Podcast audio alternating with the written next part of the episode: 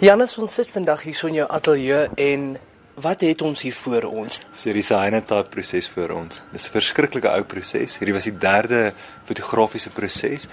Hulle het dit ontdek in 1842, Sir John Herschel. Mm -hmm. Hy het met chemikalieë gespeel so stokperdjie as amateur. Ja. En hy was mal gewees oor die idee van fotografie.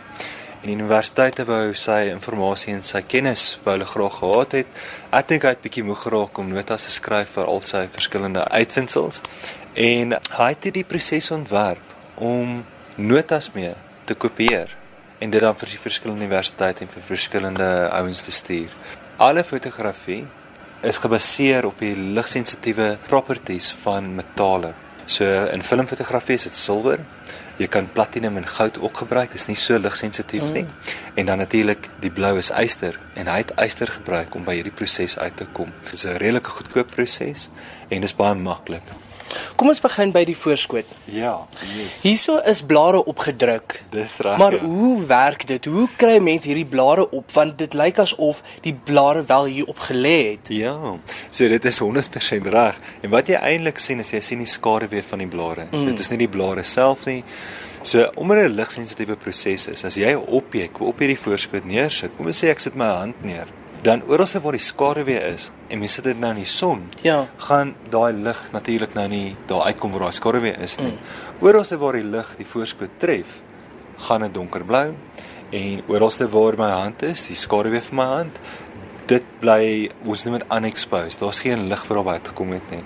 So wanneer ek hierdie dan gaan was in water na die tyd, was hy al daardie metale uit wat nie lig gevang het nie en al wat jy mee oorbly is dit wat lig gevang het wat natuurlik donkerblou gaan. So jy lê dit eers seker in chemikalieë. Dis korrek. Ja. En dan daarna plaas jy dit in die son, maar uh, vir hoe lank laat lê jy daai op die lap? Hoe helder die son daai dag is? Min of meer 10 minute ongeveer.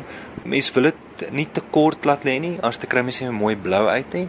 En natuurlik as jy dit te lank belig, dan begin die lig oralster in te kruip en dan begin mens mooi definisie te verloor. Ja. Min of meer 10 minute.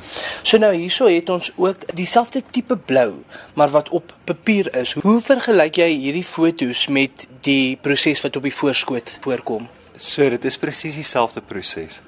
Met die materiaal wat bietjie morsig is, want hmm. mens maak 'n emmer vol van hierdie emulsie aan. Mens vat jou materiaal en jy sit binnekant hierdie emulsie, hmm. jou voorskoot Die papier verf jy aan met 'n kwas hmm. en jy laat dit droog raak en ons print 'n negatief uit dan wat dieselfde grootte is as die foto wat ons wil print en dan print ons dit in kontak met die papier.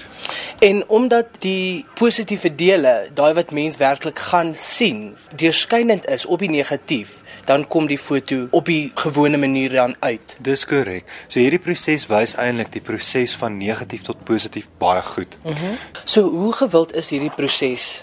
Weet jy, redelik gewild. Oorsee is dit baie gewild van die 1970s af. Het dit stadig maar seker meer en meer gewild geraak. Op hierdie stadium is dit 'n baie algemene proses oorsee.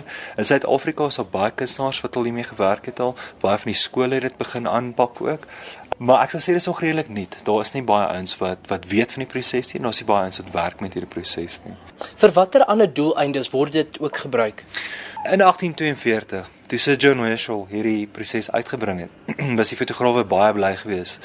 Die ouens daai tyd het gesukkel om swart en wit reg te kry en hulle het gedroom van kleur.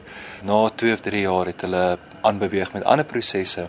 Die argitekte op daardie stadium het hierdie proses gesien en hulle het nie omgee vir die blou nie. Dit is verskriklike mooi blou en hulle het dit gebruik om hulle argitekplanne te kopieer. En dit is waar die blueprint, die blue plans basies vandaan kom is van hierdie proses af.